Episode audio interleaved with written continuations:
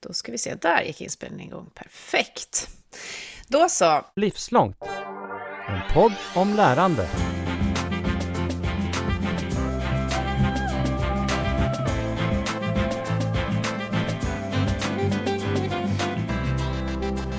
Alltså Karl, det här måste vara ett av de avsnitt som mer än någonsin handlar om connecting the dots för mig personligen. Det är nästan lite overkligt. Hur känns det då? Jag tänkte på det innan, så här, är, är det lite nervöst? Men det tycker jag faktiskt verkligen inte att det är. Men det är väldigt, väldigt roligt. Och vi ska ju snart gå in på varför och vad det handlar om. Men hur är läget med dig? Det var så himla länge sedan. Vad gör du nu för tiden? Varför hör du aldrig av dig? Ja, hur är det med mig? Men det är ganska bra med mig. Jag har ju eh, under en tid, det har inte lyssnarna märkt, för jag har ju eh, spelat in eh, intervjuer, samtal med våra politiker eh, som man har trott att jag höll på med de senaste månaderna. Men jag har ju ägnat ganska mycket tid åt detta med vårt samhällsskydd och informationspåverkan och sånt. Så där, där befinner jag mig och funderar mm. på, på vårt samhällets eh, väl och ve. Det är vi glada för eh, nu, får man verkligen lugnt att säga. Och då gissar jag att du har lärt dig massa nya saker på sistone, du med? Jag har lärt mig jättemycket nya saker. Jag har lärt mig en hel del om NATO på ganska kort tid till exempel. Det eh, är saker man inte visste att man helt plötsligt skulle lära sig väldigt fort, mm. men som jag nu har gjort. Så det har varit väldigt spännande. Eh, vår gäst kommer ju då från en plats i mitt förflutna, men också i ditt faktiskt, Karl, utan att säga än vilken. Oho. Hur skulle du, ja men lite grann, hur skulle du beskriva den här aktören, apropå samhälle, där vår gäst jobbar, som en lärande aktör i samhället? Ja, eh, om jag skulle liksom ta det till det personliga planet så är det ju eh, den kanske en av de aktörer som under så lång tid som jag kan minnas har gett mig eh, och berikat mig kunskapsmässigt om hur samhället är och var och kommer bli. Ja, jag har ju många gånger sagt att jag tror att jag har jobbat med lärande längre än jag förstod när jag började, så att säga. Då när jag satt i den där folkbildningssituationen. Från en studio någonstans i Radiohuset. För det är alltså ingen mindre än Sveriges Radio som är med oss idag. Katarina Pietschak och Carl Heath är vi som har bjudit in. Och det är då chefen för den relativt, i min värld, nybildade SR-akademin. Varmt välkommen, Jeanette Almberg Paravati. Tack snälla. Så kul att ha dig här. Du, det känns lite som att vara hemvändare då, som du hör. Även om jag tror att vi aldrig sågs i korridorerna, Nej. så tillbringade jag ju typ 20 år på din arbetsplats. Mm. Och till och med på den avdelningen som nu är den här akademin. Och nu får jag kika in utifrån. Men vi kan väl börja med att fråga, hur känns det för dig? Lite läskigt såklart. Jag har ju inte varit 20 år på Sveriges Radio utan är ju ganska ny så, så eh, det är ju lite läskigt men också fantastiskt att få, få träffa dig som har sån erfarenhet och varit här tidigare än vad jag har och kanske få lite pusselbitar på plats också som jag saknar i det här samtalet. Så det ska bli jättespännande tycker jag. Ja, det tycker verkligen vi med. Men berätta lite vem du är då, förutom den här titeln du har. Eh, och jag vet ju att vi delar passionen för lärande. Så vem du är och vad det betyder för dig kanske? Ja, det skulle jag nog absolut säga att vi gör. Jag, jag eh, har nog världens roligaste jobb faktiskt. Inte bara för att jag är chef för akademin på Sveriges Radio, utan också för att jag får jobba med lärande. Jag tror att mitt jobb är inte bara det roligaste utan det är också ett av de viktigaste just nu i takt med de förändringar som sker och behov av ny kompetens och ny teknik och så vidare. Så, vidare. så det är en ynnest att få leda akademin på Sveriges Radio. Och hur har det varit för dig genom livet om du brinner så mycket för lärande? Mm. Hur har det funnits med dig? Vad tog dig hit? Det började faktiskt någonstans väldigt tidigt tror jag, att jag alltid har befunnit mig i sammanhang där jag varit med och, och både utbildat men också blivit utbildad eh, i allt ifrån ideella föreningar och så vidare. Men sen började det nog på riktigt när jag någonstans i gymnasiet skulle bestämma mig för vad är nästa steg? Och då är jag född och uppvuxen i en riktig sån bankfamilj. Båda mina föräldrar jobbade på bank. Jag är äldst av tre syskon och det var ganska tidigt uttalat att jag skulle liksom följa upp det spåret och, och befinna mig i bankvärlden. Och det hängde ihop med, tyckte min pappa då, att jag var ju duktig i matematik och företagsekonomi läste jag på gymnasiet och sådär, så bank var liksom ett solklart val. Eh, men sen kommer man in i tonåren och man börjar revoltera lite mot sina föräldrar och då hamnade jag liksom i ett läge där jag kände att bank, nej, jag måste ju välja någonting som kanske retar upp mina föräldrar i största möjliga mån. Och då tänkte jag så här, vad är det? Ja, men då var det faktiskt just att bli lärare. Eh, min pappa tyckte att lärare var ju inget riktigt jobb ack så fel han hade. Han tyckte att lärare, ja men de har ju jättelångt sommarlov och jobbar korta dagar och hur svårt kan det vara och så vidare. Så att där någonstans i min tonårsrevolt så bestämde jag mig faktiskt för att, att plugga till lärare och gjorde så. Eh, och det är nog det bästa valet jag gjort, även om jag har gått från att, att jobba i skola till att jobba med vuxenutveckling så, så tog jag ändå steget där. Har inte ångrat mig en sekund. Ehm, så jag började min, min, min bana i eh, skolan och jobbade några år där. Och sen av en slump så hamnade jag faktiskt på bank. Men jag jobbade med kompetensutveckling och lärande på bank och inte med, med bankaffärer på det sättet. Så så började det. Men hur skulle du säga då att du har gått från det som var skola och utbildning en mm. gång i tiden för dig, till att jobba med det som vi kallar då livslångt mm. eller kontinuerligt lärande mm. idag? Hur ser den vardagen ut för dig idag? Men jag började nog ganska tidigt med den också. Problemet var att jag kanske var lite för tidig. Jag gick ut lärarhögskolan 95 och klev in i, i grundskolan ungefär med samma tankar och visioner som jag har idag om att lärandet är någonting som sker individer emellan. Eh, det sker hela tiden. Vi befinner oss kontinuerligt i varandras lärmiljö. Eh, jag ville förändra skolan redan då kring att ja, men det här med att en lärare ska stå längst fram i klassrummet och liksom bara kunskapsöverföra tyckte jag var helt skevt. Utan jag hade mycket tanke på att hur kan vi få barnen att lära varandra? Hur kan vi få det här utforskandet lärandet? Hur kan vi få läraren att flytta längst bak istället? Och det här var ju lite för tidigt, 95, märkte jag. Eh, och framförallt då när man kom ut som nyexad och hade otroligt mycket tankar och visioner så klev jag in i en ganska, ja, en ganska eh, ja, men en undervisning som var traditionell, som den i mångt och mycket faktiskt fortfarande är på, på många ställen. Eh, så det var en tuff start, det var som att köra rätt in i en bergvägg. Och därav tog jag kanske också klivet att, att gå ut ifrån skolan och börja jobba med vuxna istället. För jag tänkte någonstans i, min, eh, ja, i mitt huvud att det skulle vara en enklare väg. Eh, och jag jobbar fortfarande på den. Att flytta det här lärandet från, från där någon står och kunskapsöverför till att det faktiskt sker eh, hela tiden individer emellan.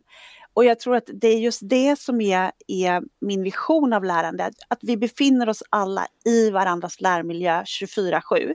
Det innebär att vi alla har ett ansvar att lära varandra och lära av varandra. Och hur får man till det på ett bra sätt, skulle jag säga. Eh, och jag har fortfarande en vision om att jag ändå ska gå tillbaks till skolan faktiskt innan jag slutar jobba. Eh, och prova en gång till, sådär 30 Då är tiden mogen. Ja. Den har kommit ikapp dig. Precis. Ja du Karl, vad tänker du? Det här, det här med skolan som eh, hyfsat förändringsresistent organisation mm. har vi pratat om en, en och annan gång här i, i den här podden. Jag tänker att du försökte också ganska tidigt vara inne och utveckla i skolans värld, eller hur Karl? Jag har väl inte lämnat uh, den. Nej. Uh, Nej, precis, du är kvar då här. jag är nog kvar och uh, försöker på olika sätt. jag tänker ju att liksom, ja, men den här resan in i vuxenlärandet och det du beskriver kring Eh, och vara i, i lärandet i bankmiljö och sen mm. eh, jag delar din uppfattning om att hur, hur miljön är omkring en och mm. eh, hur omständigheterna är där. De är väldigt viktiga för vår individuella förmåga att faktiskt ta till oss kunskap. Eh, går vi omkring i en miljö som utsöndrar rädsla till exempel, ja då vet vi att det, det är väldigt svårt att, att, faktiskt få in någonting i, eh, i huvudet överhuvudtaget om man går omkring och är rädd och sådär. Men jag tänker just hur, hur, jag blir nyfiken när du säger att ja, men du var på bank och sen har du varit nu i den här miljön och kanske också på andra ställen. Men vad, vad just den här miljöaspekten och relationen, vad, vad som väcker dina tankar där? I... Var, var, har det varit lättast? ja, eller ja, och tvärtom för den delen. Ja, svårast. Ja. ja. men det där är ju jätteintressant, för jag jobbade ju faktiskt 20 år i bank och försäkring. Jag gick från, från bank till sen försäkringsbolag. Eh, och där är ju lärandet väldigt styrt av regelverk. Det är otroligt mycket regelverk som styr, eh, styr all kompetensutveckling. Eh, kanske också lite likt skolan mer, tänker jag. Alltså just det här att det finns kursplaner, precis som det finns regelverk som sätter upp olika kompetenskrav och man har årliga kunskapsuppdateringar och så vidare det lärandet ju, funkar ju oftast ganska bra i den typen av organisationer. Men det räcker ju inte riktigt till i förhållande till den utvecklingen och det behovet som finns idag. Och också man pratar mycket om det här som jag var inne på tidigare, lärmiljö, lära av varandra, lära av erfarenheter, lära av misstag, våga prova och misslyckas. det är ju inte riktigt lika uttalat i den typen av organisationer. Eh, så där gällde det ju att hitta, liksom, okej, okay, vad är det för kompetenser vi ser inom bank kommande år. Vad behöver vi vidareutveckla till? Och börjar man fundera på det så, så räcker det ju inte till med regelverken. Utan då kommer man ganska snabbt fram till att ja, men vi behöver också bli bättre på att samarbeta. Vi behöver bli bättre på att utveckla vår egen lärandeförmåga, förändringsförmåga, samarbete, kommunikation och så vidare. Så vidare, så vidare. Men det där var ju en jätteresa att få med hela organisationen på det och våga släppa det här som är ganska lätt att mäta också. Eh, har jag kompetens inom rådgivning, ja då gör jag ett test varje år så kan jag mäta det. Det är mycket lättare än att mäta är jag samma, har jag en samarbetsförmåga? Är ni med på liksom? Om det. Ja. det här är min vardag ja. 24-7. Så jag tänker viss del av lärandet var enklare i bank och mm. försäkring. Eh, men utmaningen att titta framåt och se vad är det för kompetenser vi behöver de kommande åren. Den tror jag är lika utmanande vilken bransch man än befinner sig i. Och det ser jag ju nu när jag klivit in här på public service som är helt nytt för mig att de utmaningar som vi sitter i här är att hitta rätt kompetens idag. Den står ju alla inför. Mm. Eh, och att då fundera på att ja, men det är ju en sak att hitta rätt kompetens, men också hur vidareutvecklar vi den kompetensen hela tiden och fortsätter bygga den den utmaningen tror jag vi delar allihopa, eh, oavsett mm. organisation. Och det som du, det är därför jag skrattar så igenkännande, för det är verkligen det här som vi sitter i dagligen i en mängd olika mm. projekt och situationer, så vi delar väldigt mycket där.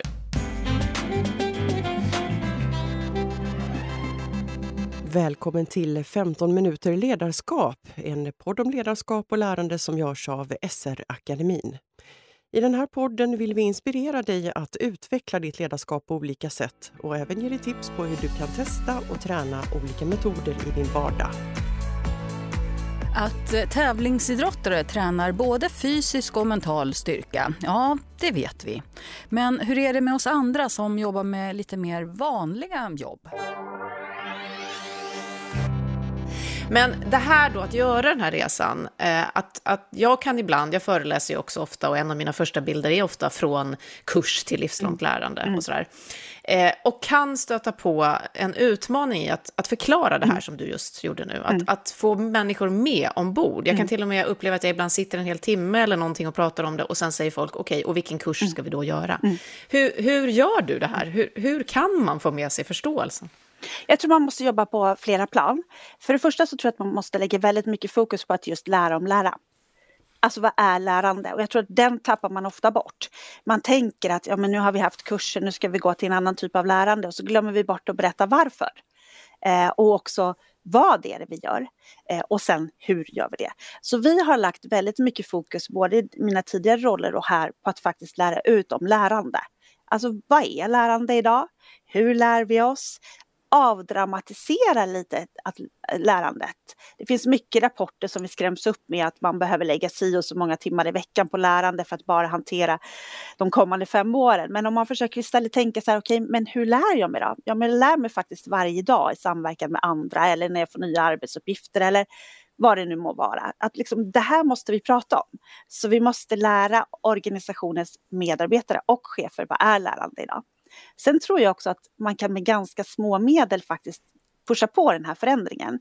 Vi bestämde oss tidigt för att eh, skippa ordet utbildning och kurs för att det just är så förknippat med en fysisk klassrumsutbildning eller en e-utbildning. Eh, och den är oftast ganska passiv. Det, det, är många gånger vi har åkt iväg på kurs och så blir vi matade med massa kunskap utan att vi faktiskt själva egentligen behöver göra speciellt mycket. Eh, så vi bytte begrepp till läraktivitet. Och vi tycker att läraktivitet kan definieras mycket mer än ordet kurs eller utbildning. Och sådana små, små, små enkla saker att prata om läraktiviteter och i det så lägger vi också att du faktiskt har ett ansvar att göra någonting. Och en läraktivitet kan vara att lyssna på en podd, titta på en film, ta en lunch med någon man inte känner, hänga med på ett möte, eh, läsa ett nyhetsbrev och så vidare. och Så vidare och så vidare. Så jag tror att man måste jobba liksom på båda plan. Och sen måste man också som utbildningsavdelning, akademi eller kompetenscenter eller kalla vad, vad du vill, erbjuda då bredden av läraktiviteter och inte fortsätta att bara fokusera på kurser och utbildningar, utan du måste liksom tänka nytt och marknadsföra det som lärande. Det tror jag ligger ett stort ansvar i. det var den korta versionen. Det här kan jag prata om hur länge som helst känner jag. Men... Ja, det är också roligt för att jag kan se hur Carl ler igenkännande över det här med att utmana terminologin som jag har hållit på med också väldigt, väldigt mycket så. Mm. Men ni har ändå valt ordet akademi, måste jag bara säga. Ja, det var innan min tid. Nej. Ja. okay, ja, det kan man diskutera. Hade vi gjort det idag så hade vi nog inte kallat det för akademi. Eh, mm. Och jag, det är också, jag menar, på något sätt så, så förstör vi också vårt egna uppdrag lite i den här förändringen. För vårt uppdrag är ju att vara en paraplyorganisation som ska erbjuda relevant kompetensutveckling för alla anställda på Sveriges Radio. Det låter väldigt högtidligt. Och samtidigt så gör vi nästan tvärtom nu. Vi skrotar utbildningar och kurser och istället så skapar vi verktyg, mallar, eh, metoder som våra chefer och medarbetare kan göra själva. Alltså de får stöd i kompetensutveckling där ute istället för att komma in till oss. Och det här är ju också intressant. Vi motarbetar ju lite vårt eget uppdrag i den här förändringen. Till slut behövs ni inte. Nej, och det är väl det bästa om vi faktiskt inte ja. gör det, tycker jag. Då har vi lyckats.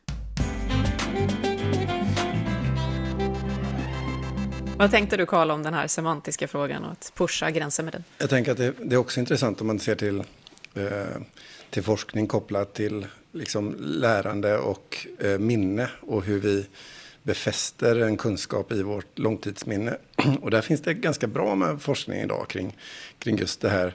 Att det är en sak att, så att säga, ta in någonting i närminnet här och nu. Eh, jag går på en kurs, eh, jag blir uppfylld i stunden eller jag liksom åker på konferens en hel dag med mitt företag eller vad det nu kan vara för något. Så blir jag skåpmatad, liksom bara papp, papp, papp, massa, massa saker. Eh, och sen så eh, åker jag hem och så har jag liksom tappat bort eh, 90 procent av alla de där orden som jag hade fått med mig. Medan om jag istället eh, återvänder till de där begreppen eller orden eller sammanhangen under olika omständigheter och under kortare period fast utspritt i tid.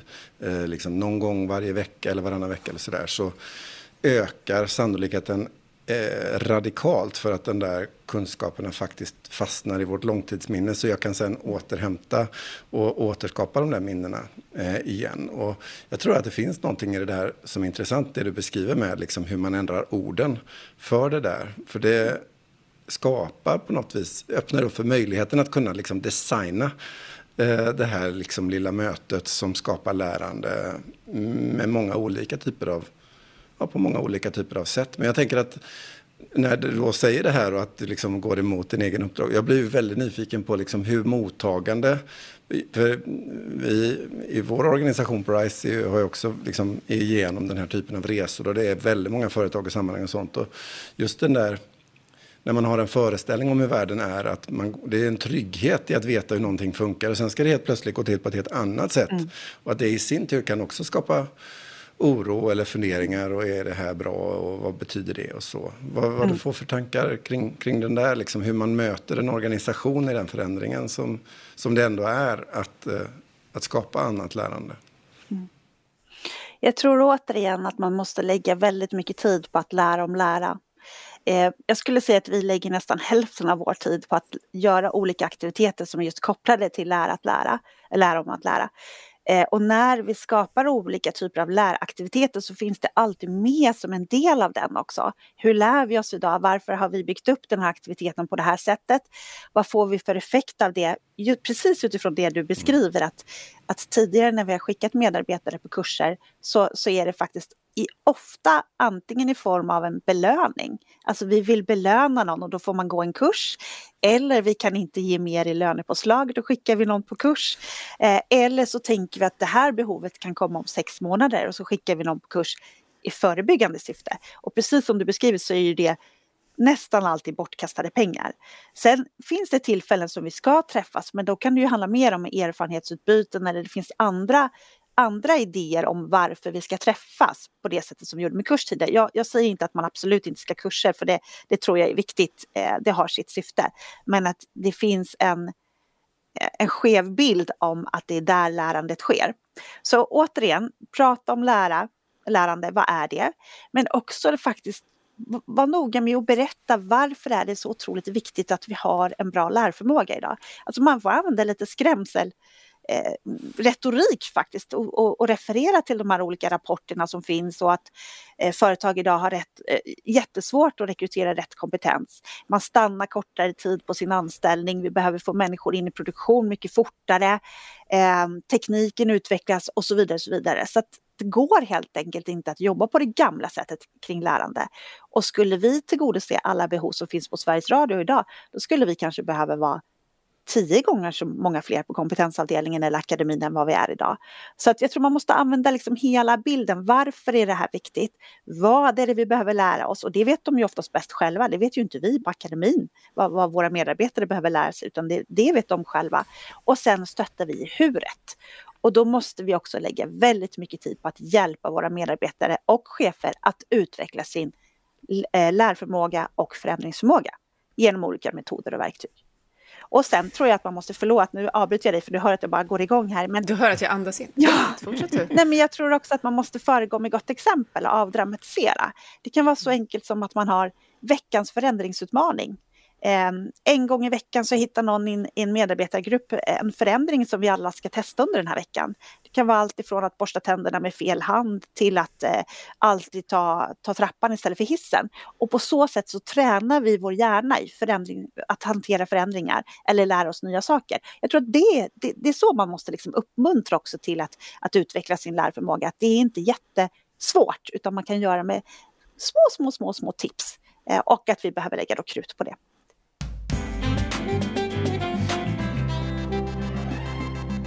Jag får eh, en flashback faktiskt utifrån det du sa också, Karl, och det du berättar nu, Jeanette, eh, från tiden på Sveriges Radio just med kompetensfrågor, att vi försökte införa då väldigt många feedbacktillfällen. Mm. Att feedback var en sån sak som skulle dra, ta oss vidare i lärande. Mm. Och att när vi hade de tillfällena så var, så var det ibland en, också en, ett synliggörande på det sättet man var tvungen att säga så här, är vi nu medvetna om att det här är faktiskt feedback? Mm. mm. Och det där har jag tänkt ganska mycket på också nu, så här, det här är ett lärande. Mm. Det vi gör nu på det här mötet, det är att vi lär mm. oss tillsammans att det behöver också tas fram, mm. det här vardagliga som finns med mm. i, i, runt oss hela tiden, mm. det du beskriver. Då. Det är jätteintressant det du säger om att du, åter, du återvänder mycket i det du säger nu till eh, varför. Mm. Att man måste förstå liksom, varför behöver jag göra det här som jag nu behöver göra eller så. Mm. Och då tänker jag också på, du kom in på det här på slutet kring ledarskapet och mm. eh, ledarorganisationen. För det blir ju, med det med det synsätt som du beskriver i förändringen på lärande så förändras ju också så att säga, verktygslådan för de chefer ja. som finns i organisationen kring hur de relaterar till eh, personalens behov. Mm. Eh, för om du ska distribuera de där lärtillfällena ut i organisationen så förutsätter det också, tänker jag mig, en annan relation mellan den verksamhet du gör och linjechefer i organisationen på mm. något sätt och hur de tänker om kompetensfrågorna där. Hur, hur, hur gör man en sån, jag blir ju supernyfiken, hur, hur, hur tänker man kring att göra en sån resa? Det är ju, att göra det är ju superspännande. Eh, dels så försöker vi ju utbilda alla utbilda, nu läste jag, nu var jag gamla, i gamla terminologin, men vi försöker att, att, utveckla våra ledare i att, att stötta lärande. Att de är medvetna om hur det faktiskt fungerar. Vad, vad är lärande? Hur lär vi oss idag? Precis det du var inne på tidigare, eh, att vi tappar så mycket kunskap direkt efter lärtillfället. Vi måste repetera, sprida ut över tid. Det handlar om beteendeförändringar och så vidare. Och så vidare. Men sen försöker vi också bygga mycket stöd och verktyg för våra ledare och team så att de kan hantera lärandet själva. Och bland annat så har vi gjort en, en digital verktygslåda. För ta ämnet eh, feedback eller återkoppling som du var inne på tidigare Katarina, så kom det ju ofta beställningar till oss att vi behöver bli bättre på feedback i vår grupp. Och så ringde man till oss och så sa man kan ni hålla en kurs i feedback, vilket vi gjorde. Eh, och då tänkte vi så här, ja men varför ska vi göra det? Ofta så finns kunskapen i gruppen. Det är någon som är duktig på det här. Det är bättre att de delar erfarenheter där. Så vi byggde en digital verktygslåda med 15 olika övningar idag och den här är i ständig ehm, förbättring. Ehm, där teamet, vem som helst i teamet eller chefen kan plocka upp en övning och så gör man det själva i teamet. Alltså vi står för metoden, vi står för verktyget men vi står inte för innehållet. Eh, och där i finns idag övningar i allt ifrån eh, vårt uppdrag, eh, inkludering, det finns återkoppling och så vidare. Och, så vidare. och jag tror att det är liksom den vi kommer bygga vidare på i framtiden, att utöka den här verktygslådan så att vi stöttar inte bara chefer, för det ska inte alltid vara chefer som, som driver lärandet, utan det kan lika väl vara en medarbetare. Att vi bygger eh, eh, metoder och verktyg så att de kan hantera det själva. Och det är där jag menar att till slut försvinner vår roll då. Då, då blir mm. vi mer att vi bygger de här verktygen och stöttar det än att vi står för innehållet. Och jag tror att ja, men det är dit jag vill komma. Då sker lärandet där det mm. absolut sker bäst. I den egna arbetsgruppen. Kollegor emellan och mellan chef och medarbetare. En väldigt fin beskrivning av eh, lärandeorganisation som ju är en av de vanligaste frågorna som jag får. Hur blir vi en mm. sån? En väldigt stegvis så. Jag kan också ge dig tips och alla andra som lyssnar och är intresserade. Eh, också jag sitter ju faktiskt i ett forskningsprojekt som heter Läran att lära, som ska resultera i en öppen verktygslåda för alla som ni kan mm. ta in och utveckla alla era egna med. Jag tänker att det kan vara. Den kommer någonstans framåt 2024 tror jag. Men jag såg annonsen som du måste ha sökt ditt jobb på, tror jag, mm. eftersom du fick det. Att vara ledare på Sveriges Radio är ett unikt uppdrag. Mm. Vi behöver vara förebilder i att leva mm. Sveriges Radios värderingar och förespråkar därför ett involverande och inkluderande ledarskap. Under den här, och då har vi pratat om ledarskapets betydelse för att ändå få den här resan du beskrev och rörelsen mm. att hända. Hur ser du den här förändringen? Ser du att det blir ännu mer involverande och inkluderande? Ja, det skulle jag säga. Och ett steg i det är också att vi har öppnat upp våra ledarskapsutbildningar eller allting som är kopplat till ledarskap, både verktygslådan, eh, andra läraktiviteter som tidigare var begränsat för ledare har vi öppnat upp för alla nu. För vi tycker att, att bara det att liksom sudda ut den här gränsen mellan medarbetare och ledare är ett bra sätt att göra det på, för då helt plötsligt börjar vi prata samma sak. Och ledarskapet är ju egentligen medarbetarskap till 95 procent och sen finns det ett litet, litet, litet lager till som, som, som ledare behöver ha och det handlar oftast om, om andra faktorer, arbetsmiljö eller eh, arbetsrättsliga och så vidare och kanske väldigt lite om, om liksom, eh, medarbetarskapet. Så det är ett sätt. Sen, sen tror jag att eh, det finns också en, en bra struktur idag som inte fanns tidigare i våra processer kring utvecklingssamtal. Vi har rullande samtal med, med återkoppling varannan vecka där det finns tydliga processer där vi pratar om utveckling och lärande. Eh, vi pratar om medarbetarskapet på ett helt annat sätt än vad vi gjorde tidigare. Eh, tidigare hade man kanske ett utvecklingssamtal en gång per år och så följde man upp det med ett lönesamtal och då, då försvann ju liksom den här kontinuerliga återkopplingen. Eh, så det tycker jag att vi har fått till på ett bra sätt. Och sen har vi också uppmuntrat och pratat väldigt mycket om, och det vet jag också att många tagit till sig efter våra olika aktiviteter, att få in det här med lärande som en naturlig punkt på dagordningen på alla typer av möten. Och det kan vara allt ifrån att vi bara vi reflekterar fem minuter om, vad har vi lärt oss? Eller vad gjorde vi förra veckan? Vad gick bra? Vad gick mindre bra? Vad lärde vi oss av det? Vad ska vi göra annorlunda? Så att jag tycker att det, det är små, små, små olika saker som hänger upp med som driver den här utvecklingen kring det du är inne på. Så att ja, jag skulle säga att vi faktiskt ser en, en stor förändring. Och därmed också när vi har öppnat upp de här läraktiviteterna som tidigare var begränsat för ledare till nu att alla är välkomna att vara med, så ser vi också att helt plötsligt så får vi också fler ledare som deltar än vad de gjorde tidigare. Och det kan ju bero på att man är lite rädd för att nu lär mina medarbetare sig massa saker, vilket också ställer krav på att jag måste lära mig och utveckla.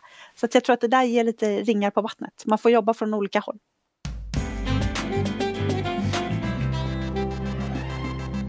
Jag tänker lite om man återvänder till det här som vi pratade om, Sveriges Radios roll i samhället och det att jag säger idag att jag tror att jag höll på med lärande och mm. bildning på något vis redan då. Så public service, Sveriges Radio som kunskapslärande aktör. Man skulle kunna tänka sig att en sån organisation alltid hade varit en lärande organisation eftersom du som i kärnverksamheten journalist lär dig nya saker hela mm. tiden och så. Mm. Men, men eh, vad, vad tänker du om det? Betyder det att SR alltid har varit en lärande organisation? Absolut, det skulle jag säga.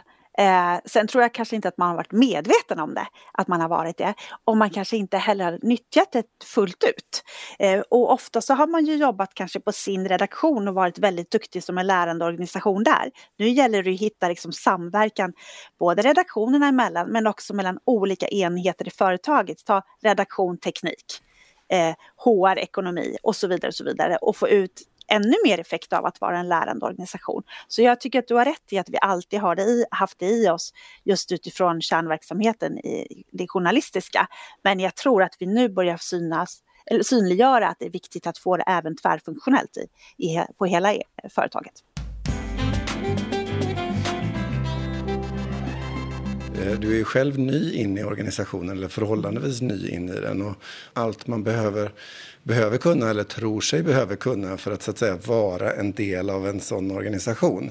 Eh, alla organisationer med liksom specialiserad kompetens har ju den där utmaningen i att onboarda och ta ombord eh, den nya medarbetaren och vad man måste kunna för att det ska funka på arbetsplatsen och hur det där går till. Och hur funkar det med den nya personen och den personens lärande in i en organisation med den resan som du beskriver av att gå ifrån kurs till det vardagliga lärandet och så vidare. Finns, är det särskilt för dem eller är det, kommer de in på, ja hur går det till liksom?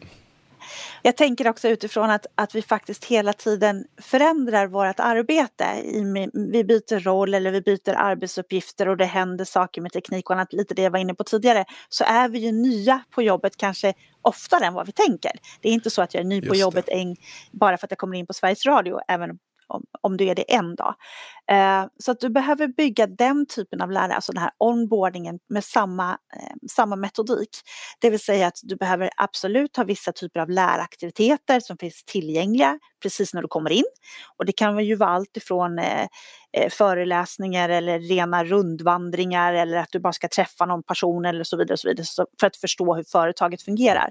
Men sen behöver du också ha en väldigt liksom, strukturerad plan och jag tror att det som vi behöver förbättra och många organisationer behöver förbättra, det är just handledaruppdraget eller den som ska ta emot dig och lära upp den. Hur stöttar vi den personen? Mm. Då kommer det återigen in på mm. det här att, att chefens roll eller handledarens roll är ju nyckeln till hur snabbt den här onboardingen går.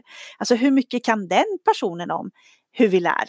Eh, hur, mycket, hur mycket kan den personen förstå kring att ja, men allt lärande kommer inte ske på den här introdagen som den nya medarbetaren är anmäld till om tre månader.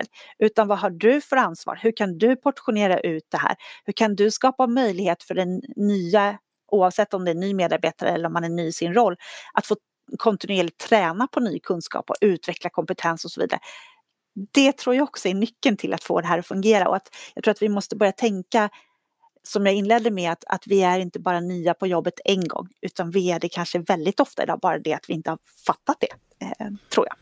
Ja, det är en väldigt tänkvärd tanke just det där med för den inre rörligheten och även då när omvärlden förändrar sig och mm. man själv måste förändras ikapp med det. Mm. Att det också är en typ av onboarding egentligen, fast den sker mm. hela tiden. Ja, det är, det är ja, ett spännande perspektiv.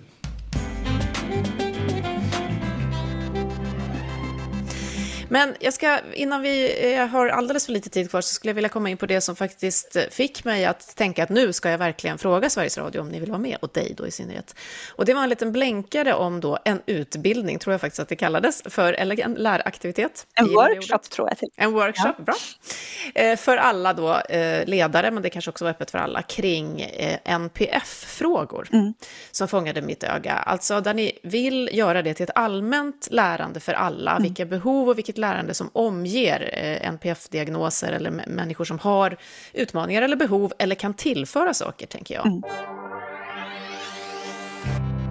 Idag tror jag faktiskt vi har deltagarrekord. Det är jättekul och ett väldigt spännande ämne som, som har lockat många att faktiskt vara med på det här. Och det känns som ett väldigt viktigt ämne att prata mer om. Jag läste tror jag, en artikel som du har varit mm. med i att just tre av hundra brottas med de här problemen med just ADHD på jobbet och sådana saker. Så att, eh, det här känns som att ett jättebra tillfälle att lära sig mer om det här. Och eh, med mig idag då som ska hålla i det här är Martina Nelson. Ja. Varmt välkommen! Och det här är ju verkligen någon slags inkluderande tanke i, förstår jag. Vad, vad fick er att vilja göra så i ett led, som, som ett i, i led i, i er läranderesa? Nej, men egentligen så tycker jag att det känns ganska naturligt eh, att få in det. Det var inge, ingen idé som kom till oss på, mm, där vi hade ett långt projekt och så vidare, utan, utan jag tycker att det hänger ihop med hela ledarskapsuppdraget. Alltså att jag som ledare, i mitt uppdrag så ingår det ju att se till att mina medarbetare utvecklas till sin fulla potential oavsett vilka, eh, vilken erfarenhet, vilken kompetens eh, utifrån om de har någon diagnos eller inte. Alltså det är ju fortfarande, jag har ju samma ansvar för alla. Och om vi pratar om NPF så, och i första hand ADHD som, som vi pratade framförallt om på, på den här workshopen, så är det ju så att, att det är tre av hundra vuxna som har en ADHD-diagnos, vilket innebär att det är ett antal på Sveriges Radio som har en ADHD-diagnos. Och genom att då öka förståelsen och Eh, kunskapen om vad det innebär och hur jag som chef eller medarbetare jag vill trycka på eller medarbetare, för jag tycker att det är viktigt att det också är ett medarbetarskapsansvar. Hur kan vi skapa bästa förutsättningar för att du med en ADHD-diagnos ska, ska nå din fulla potential? Det tycker jag ligger naturligt i, i ledarskapet. Så det här var en del av det vi försöker prata om. Sen har vi haft andra tillfällen när vi har pratat om andra saker, just för att öka kunskapen. Och bara faktiskt börja prata om det och samlas. Och det vi märker när vi har sådana här tillfällen, det är ju att det största lärandet sker ju kanske inte i föreläsningen i sig, utan det sker ju i gruppdiskussionerna som vi försöker bygga in i själva aktiviteten och det är därför jag kallar det workshop, där vi delar erfarenheter. Helt plötsligt så synliggjorde vi ju massor med medarbetare och chefer som har ADHD-diagnoser eller har en kollega som har det. Och hur kan vi då med små enkla medel skapa rätt förutsättningar för att den här personen ska nå sin fulla potential? Det tjänar ju hela företaget på. Ehm, då maximerar vi ju eh, effekten av, av vårt arbete. Jag tänker att vi, även om du inte har en diagnos, så lär du dig också väldigt mycket av, av den här typen av läraktivitet och av att träffa och synliggöra det. Vad, vad tänker du, Karl? Jag tycker det är tänkvärt just kring det du beskriver kring både eh, chefs och medarbetarperspektivet in i att se och förstå och ha kunskap om varandra och varandras förmågor eh, i, i en arbetssituation. Eh, det är ju väldigt lätt eh, när man så att säga, i en chefs eller ledningsposition planerar verksamhet eller sådär, att man bara utgår ifrån en eh, norm eller föreställning som i regel utgår ifrån sig själv och vad man själv hade haft förmåga att klara av eller göra eller inte göra. Um, och att just ha ett mera personcentrerat förhållningssätt och där man också lär sig av olika personers förutsättningar i det ökar eh, förståelsen i en organisation. Och det i sin tur ökar ju trygghet som i sin tur ökar, liksom minskar risken för rädsla och som i sin tur gör att folk lär sig mer och så vidare. Så det får ju massor av liksom, konsekvenseffekter av det där som, som du beskriver som är spännande. Eh, för inte bara själva kunskapen i sig själv utan också liksom vad det får för ja, vad det skapar för samtal i kafferummet och, och, så vidare. Det finns ju så mycket som blir så att säga också ett icke-formellt lärande som uppstår som en konsekvens av vad man väljer för att lyfta fram för berättelser eller angreppssätt och sånt där. Jag kan tänka mig att ni upptäcker det när ni gör den här typen av saker mm. i er organisation också.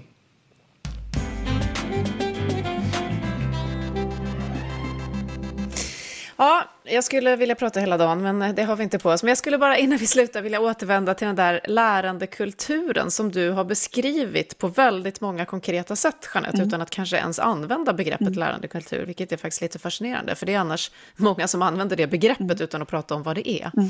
Men i den här lärandebranschen som vi är i allihopa här, eh, där, där det då nämns väldigt mycket kring en lärandekultur, så eh, kommer en fråga upp väldigt ofta, och det är att man måste få göra fel, du har mm. också sagt det redan, mm. och att man måste lära av det, mm. visa sig sårbar och dela misstag. Och då blir jag så nyfiken på, hur är det att skapa den här kulturen på en sån institution som Sveriges Radio, tycker du? För det är mycket som inte får gå mm. fel, jag minns en del sånt här. Mm. Och jag kan också se utifrån att det är väldigt svårt att gå ut externt i alla fall och säga att man har gjort fel. Mm. Så hur är det internt att jobba med den typen av kultur?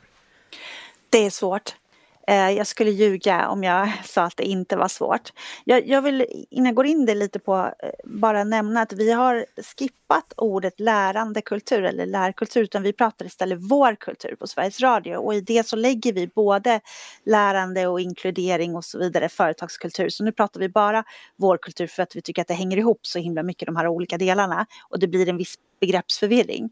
Men om vi går tillbaka till din fråga kring att lära av misstag. Det är jättesvårt eh, att gå ut och säga att från en dag till en annan att nu får vi göra fel och vi lär oss av, av misstag. Utan jag tror precis som med allting annat att man måste eh, våga visa exempel och då kan man börja i det lilla.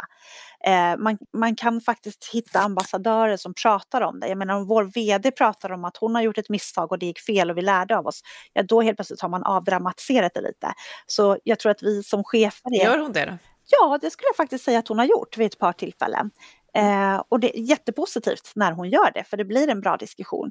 Och också lite så här som jag brukar prata om i mitt egna team, att vad kan egentligen gå fel? Vi sysslar inte med akutsjukvård. Ingen kommer faktiskt dö om någon gör ett misstag. Utan tvärtom, det, det kan faktiskt leda till något positivt. Så jag tror att man måste våga vara ett föredöme som chef, våga prata om sina egna misstag. Sen tror jag också att man kanske måste träna in att våga prata om misstag. Och det kan man ju göra genom att lägga in after action reviews. Men när du har avslutat ett projekt då blir det en naturlig del i, i, i arbetssättet att prata om det. Eh, du kan också prata upp det, lägga upp det som en punkt på agendan på veckomötena. Eh, vad gjorde vi för tokigt förra veckan och vad, vad hände av det? Vad lärde vi oss? Alltså, jag tror det är en sak att säga att vi ska göra det och en helt annan sak att börja göra det. Och då måste vi nog hjälpa till med att hitta de här naturliga tillfällena genom en punkt på agendan eller få in en after action review tänk i, i våra projekt. Um, mm. Men det är, det är jättesvårt. Och, uh, men också så här, vad är misstag egentligen? Behöver det alltid vara så himla stort? Uh, men för att få alla att hänga med på, på, terminologin och definitionen igen så tror jag att vi måste börja prata om den och ge exempel mm. på det för att man ska känna sig trygg och både våga testa men också våga erkänna eh, och lära sig av det. Jag har också funderat på det. Eh, kan man byta ord på misstag? Mm. För det verkar vara väldigt jobbigt för oss att säga det. Mm. Det här var ett misstag. Mm. Kan man ändå odla det på ett annat sätt så.